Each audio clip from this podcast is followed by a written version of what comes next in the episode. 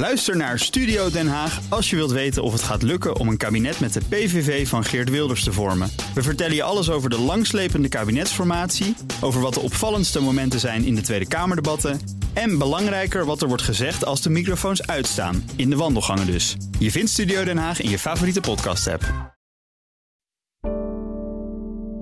De Nederlandse autofabrikant Lightyear heeft een roerige periode achter de rug waarin de droom om auto's op de markt te brengen die rijden op zonne-energie plotseling in duigen viel. Want de belangrijkste dochteronderneming van Lightyear, Atlas Technologies, werd begin dit jaar failliet verklaard. Na een hoop getouwtrek tussen kleine en grote investeerders wordt bij Lightyear nu alles op alles gezet om de tweede kans die het bedrijf kreeg te doen slagen. Hoe kon deze nationale knuffelbeer, deze groene belofte, deze reizende ster, gerund door twee jonge en o zo veelbelovende dertigers, alsnog failliet gaan? En wat heeft de toekomst in het vat voor deze auto die toch nog steeds veelbelovend klinkt? Deze week zoomen we in op de schaduwkanten van de ontwikkeling van de zonneauto met FD-verslaggevers Albert Wagenaar en Pieter Kouwenberg. Zij reconstrueerden de gebeurtenissen die leidden tot het faillissement en de voorzichtige doorstart van de autobouwer. Mijn naam is Elfanie Toulaar en dit is De Week Voorbij, de weekendpodcast van het FD. We gaan eerst even terug naar 2016. Het jaar waarin Lightyear onder leiding van een groepje enthousiaste studenten voor het eerst het zonlicht zag. Je hebt elk jaar de Solar Challenge, World Solar Challenge in Australië, waarbij verschillende studententeams met eigen gebouwde zonneauto's tegen elkaar strijden.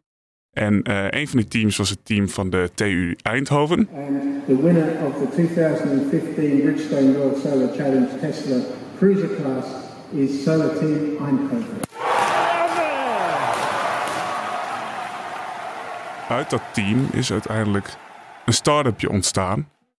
Dat start-upje heet Lightyear, zoals we nu allemaal uh, weten. De baas van dat bedrijf is uh, Lex Hoefsloot. Hij is uh, dus de CEO. en hij heeft naast zich zijn compaan Ariel van der Ham. Hij is een beetje de techneut van de twee. En door de jaren heen hebben zij dit bedrijfje van een start-up uitgebouwd tot een scale-up. Dit is collega Albert Wagenaar, die samen met Pieter Kouwenberg in het verleden en heden van de zonneauto dook. En door de jaren heen is Lightyear ook een beetje uitgegroeid tot ja, het knuffelbedrijf van Nederland. En specifieker het knuffelbedrijf van Zuid-Nederland misschien wel. Het zit in de regio Eindhoven, in Helmond. En uh, in de regio draagt men het bedrijf een zeer warm hart toe. Het groeiende succes van Lightyear deed het gevoel van oude tijden herleven. Toen de DAFjes nog in Nederland van de band rolden. Nu was er weer een nieuw automerk. Uit Nederland. Dus ieder succesje werd met gejuich ontvangen. Elke keer als het weer een stukje beter ging met Lightje, was iedereen ook erg enthousiast. Dan ging er weer een lovend persbericht uit. Onder andere wij en heel veel kranten schreven dat dan ook op. Want ja, interessant, zo'n maakbedrijf dat auto's maakt, tastbaar. En ook nog eens helemaal om de wereld te redden met hun zonnepaneeltjes. Ik kan me wel die prachtige beelden herinneren van die, van die eh, solarauto's door de woestijn in Australië en hoe ze dan uh, eraan knutselden. En ja, ik heb, ik heb Luitje niet op de voet gevolgd, maar ik hoorde wel van mensen van uh, daar in de buurt van Eindhoven zijn jongens met iets heel interessants bezig. Pieter Kouwenberg was toen Lightyear begon al lang journalist voor het FD. Dat knuffelgevoel, dat, die trots, dat komt natuurlijk ook voort uit het feit... we kennen allemaal de Tesla. Dat is dan in Amerika begonnen met een ondernemer die het idee had: nee, we gaan een ander soort auto maken. We gaan een auto op elektriciteit maken. Deze jongens zijn met iets soortgelijks bezig. Nee, we gaan net als DAF met het pintere pookje, dat automaatje waardoor je achteruit net zo hard kon rijden als vooruit. Wij gaan een ander type auto maken. Hele lage weerstand en um, een kilometer of 50, 60 kun je rijden op zonne-energie. Nou, dat is het gemiddelde wat een een Nederlander eigenlijk per dag rijdt. Dus ja, dat is dromen. En de uitvoer van die dromen kwam steeds dichterbij. Er ontstonden plannen om Lightyear 0 te bouwen. Een luxe model dat het paradepaardje zou worden. In een assemblagefabriek in Finland werd de auto afgelopen november in productie genomen. De auto zou 2,5 ton gaan kosten. Maar de productiekosten lagen eigenlijk nog hoger. Dat was geen probleem. Het idee was, nou, we hebben die Lightyear Zero, dat luxe model. Daarmee laten we aan de wereld zien wat we kunnen. Wat voor een geweldige techniek uh, wij ontwikkeld hebben door de jaren heen. En het idee was dan dat de tweede auto de Lightyear 2 zou zijn. En dat um, zou de meer betaalbare gezinsauto's zijn. 30.000, 50.000 euro uh, ongeveer. En uh, richting die ontwikkeling van die Lightyear 2, wat een beetje meer het massamodel moest worden, moest er natuurlijk nog wel meer geld opgehaald worden. En uh, nou ja, wat wij horen is dat men op een gegeven moment uh, steeds meer geld wilde ophalen bij particuliere investeerders en grote investeerders. En misschien op den duur naar de kapitaalmarkten wilde. Dus misschien een beursgang. Alle seinen stonden op groen. Investeerders stonden te trappelen om bij te dragen aan het succes dat er wel moest komen. 80 miljoen hadden ze bij elkaar gebracht. Maar auto's bouwen kost geld. Heel veel geld. Volgens Ramingen wel zo'n 1 miljard euro. Met het opschroeven van uh, nou ja, de ontwikkeling van die Lightyear Zero en de Lightyear 2 was het personeelsbestand opgelopen tot meer dan 600 man. En dat betekende dat het bedrijf per maand rond de 10 miljoen kwijt was. 600 mensen aan personeel. Wat deden al die mensen dan in de ontwikkeling van deze zonneauto's? Een groot gedeelte van hen was onder andere bezig met de software. Zo'n zo'n zonneauto, dat is eigenlijk gewoon ja, een, een, rijdende computer. Dat is een softwarebom. En uh, nou ja, een heel groot gedeelte was bezig om, om al die uh, technologie, die software technologie aan elkaar te knopen. Je had natuurlijk een gedeelte van het personeel wat bezig was met het uiterlijk van de auto, de carrosserie, uh, de chassis, et cetera. En een groot gedeelte van de mensen was bezig om, om marketing te doen en om nieuw geld op te halen voor de verlieslatende uh, zaak daar in Helmond. Verlieslatend, dat zeker, maar geldgebrek was tot november, december vorig jaar nog geen reden tot zorg. Ik denk dat de jongens echt op een wolk leefden van het gaat ons lukken, het gaat ons eindelijk lukken. En ze dachten, um, dat geld, we zijn al sinds 2016 bezig geld op te halen. En het lukt elke keer, het lukt elke keer. Dus het zal deze keer ook wel lukken. Ze waren al bezig nieuwe potjes aan te spreken. In Europa heb je een, een, fonds, de Europese Investeringsbank, wat speciaal bedoeld is voor dit soort lange termijn investeringen. Daar hadden ze een aanvraag voor 40 miljoen uh, gedaan en daar hadden ze goede hoop dat ze daar ook weer geld uh, zouden weghalen. En ze waren in gesprek geraakt met VDL. En VDL, dat is een familiebedrijf in de regio Eindhoven, wat allerlei uh, industriële bedrijfjes in handen heeft. En ze hebben Netcar in Born. En Netcar in Born, dat is een auto-assemblagefabriek waar ze uh, ooit Mitsubishi's hebben gebouwd. Daarna BMW's, maar dat contract met BMW de bouw van de Mini liep af. Dus VDL zocht eigenlijk een nieuwe autobouwer als klant. En Lightyear zit om de hoek en ze zijn daar gesprekken begonnen. Dus inderdaad, het zag er fantastisch uit. Um, ze hadden 80 miljoen opgehaald. Ze hadden een aanvraag gedaan in Europa voor 40 miljoen. En ze waren in gesprek met VDL. En die zou dan ook nog eens geld steken in het bedrijf. Dus inderdaad, alle scènes stonden op groen. De herfst was nog veelbelovend. Maar toen de winter kwam, ging het toch helemaal mis. De Europese investeringsbank die besloot uh, eind vorig jaar niet te investeren. Dus 40 miljoen liepen ze vooralsnog mis. Um, ze haakten niet definitief af, de Europese investeringsbank, maar ze zeiden het is nu nog te vroeg. Um, daarna was ook uh, VDL um, ja, niet bereid om geld te investeren. Zij hadden het idee dat het geld wat zij zouden investeren, dat het gebruikt zou worden om onbetaalde rekeningen te gaan betalen, onder meer. Ze wilden alleen in nieuwe technologie bijvoorbeeld geld steken en niet in uh, precies, oude... Precies, ze wilden geen, uh, geen oude schulden um, oplossen voor Lightyear. Dus ja, dat, dat kreeg uh, Lightyear te horen. En toen hadden ze opeens nog maar een paar weken aan geld. Dus toen zat er niks anders op dan hun belangrijkste dochter failliet te laten gaan. Dat was de dochter waar dus die productie van die Lightyear Zero, dat luxe model, in gestald stond en waar eigenlijk ook alle medewerkers onder vielen. Wat ze niet goed hebben gelezen is de buitenwereld. Want zoals jij weet, vorig jaar ehm, liep de rente fors op vanwege de inflatie. Dus geld was niet langer gratis, geld werd duurder.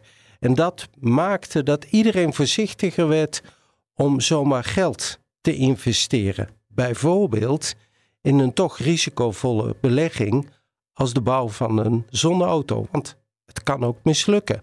En dat hebben ze gewoon niet goed gelezen.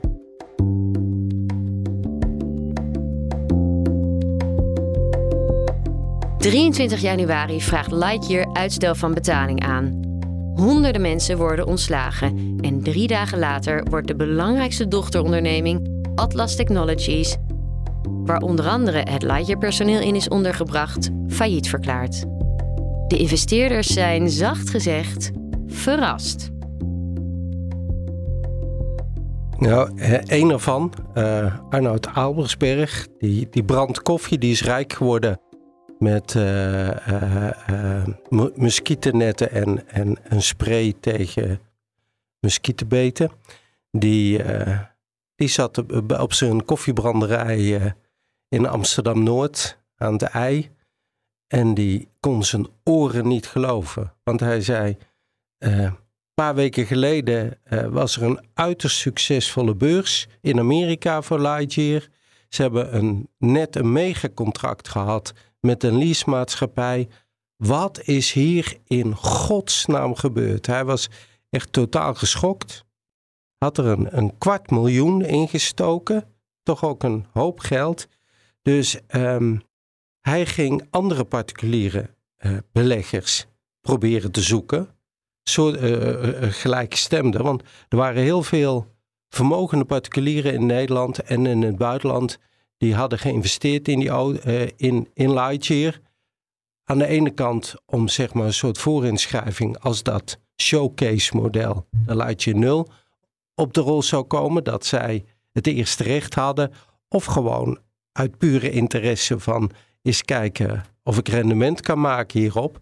Dus hij is die mensen gaan zoeken. Hij is zelfs hier in huis bij BNR.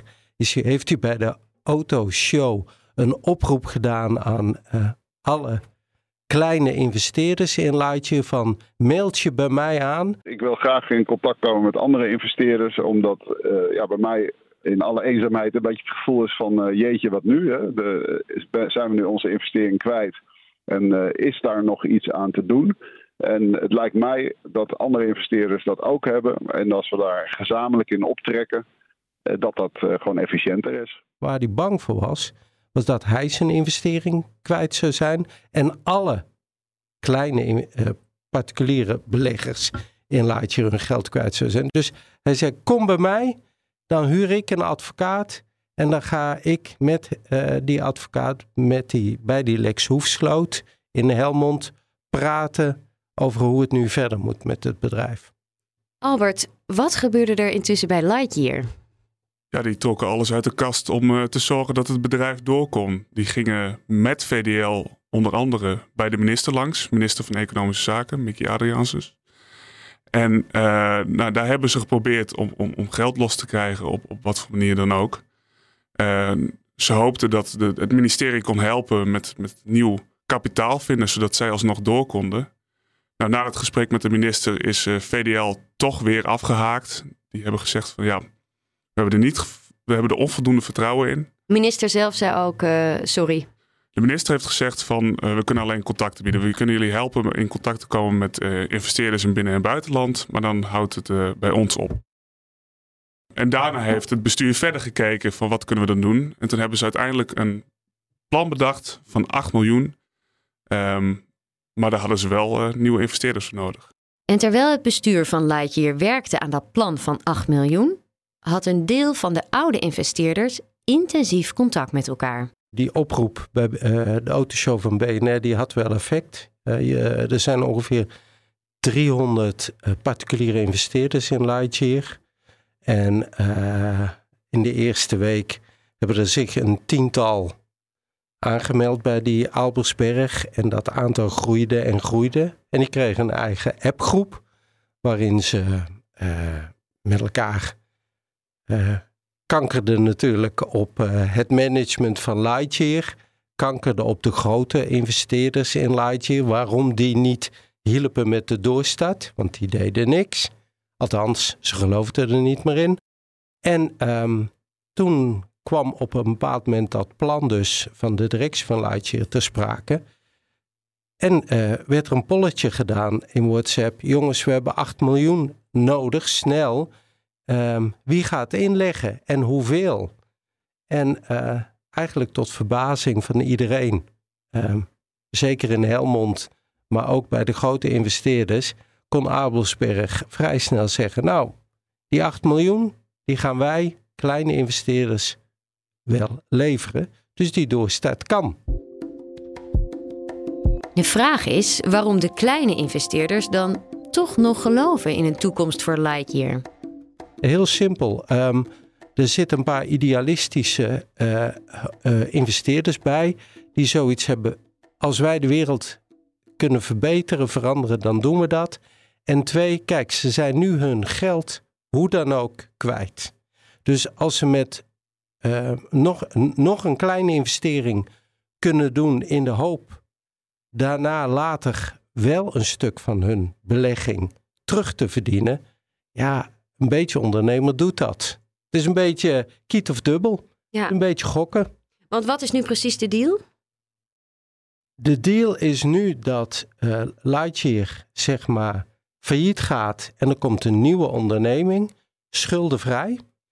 En uh, wat ze heel chic hebben gedaan is, normaal gesproken, als er dan een nieuwe investeerder komt en die legt geld in, dan krijgt die alle aandelen. Dus alle oude investeerders in het bedrijf dat failliet, die zijn hun geld kwijt. Ze hebben nu voor een hele chique oplossing gekozen, namelijk de nieuwe investeerders, die van die 8 miljoen, die krijgen een belang in het bedrijf, maar alle oude investeerders, inclusief de oprichters, inclusief het personeel, die krijgen allemaal een stukje van de taart, van de aandelen in het nieuwe bedrijf. Dus kunnen profiteren als het goed zou gaan. Waarom hebben ze deze chique oplossing bedacht? Is dat omdat ze de mensen toch nodig hebben? Uh, een aantal redenen. Eén, uh, uh, ze hadden de grote investeerders nodig. Want die hadden, ze hadden hun instemming eigenlijk nodig om verder te gaan. Um, ze hadden het zogeheten pandrecht op de technologie. Dus zij hebben geïnvesteerd en hebben gezegd: mocht het misgaan, dan is de technologie van Lightyear voor ons. En die kunnen wij dan verkopen, zodat we een deel van onze investering terugverdienen. Dus als je door wil gaan met dat bedrijf, heb je die technologie nodig. Dus hebben tegen die grote investeerders, SHV, InvestNL, Dela, gezegd: Oké, jullie krijgen een stuk van de aandelen, maar dan moeten wij wel het pandrecht hebben. Nou, dat was een akkoord. Uh, er was een hele groep particuliere investeerders die niet meededen met die 8 miljoen. En ze hebben gewoon heel uh, mooi besloten van, en toch nemen we jullie mee. Uh, ja, en de founders, de oprichters, normaal gesproken zeg je, ja jongens, jammer dan. Maar die wil je natuurlijk gemotiveerd houden. Dat zijn die jongens die uh, uh, al sinds 2016 sleuren aan dit bedrijf. Hoe hou je die gemotiveerd? Dat als het een succes wordt, zij ook rijk, in theorie rijk, rijk kunnen worden. Ja, heeft hun positie nog ter discussie gestaan?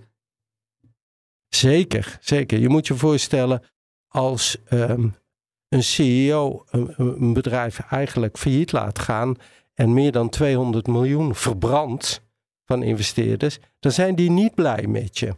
Dus dan is de vraag: goh, um, heb je het nou verprutst buiten jouw schuld om, of heb je het verprutst omdat jij onverantwoord bezig bent geweest? Nou, uh, volgens de grote investeerders um, was hij dus niet alleen naïef geweest, maar hij heeft het ook gewoon verprutst. Dus zij wilden hem eigenlijk weer kwijt.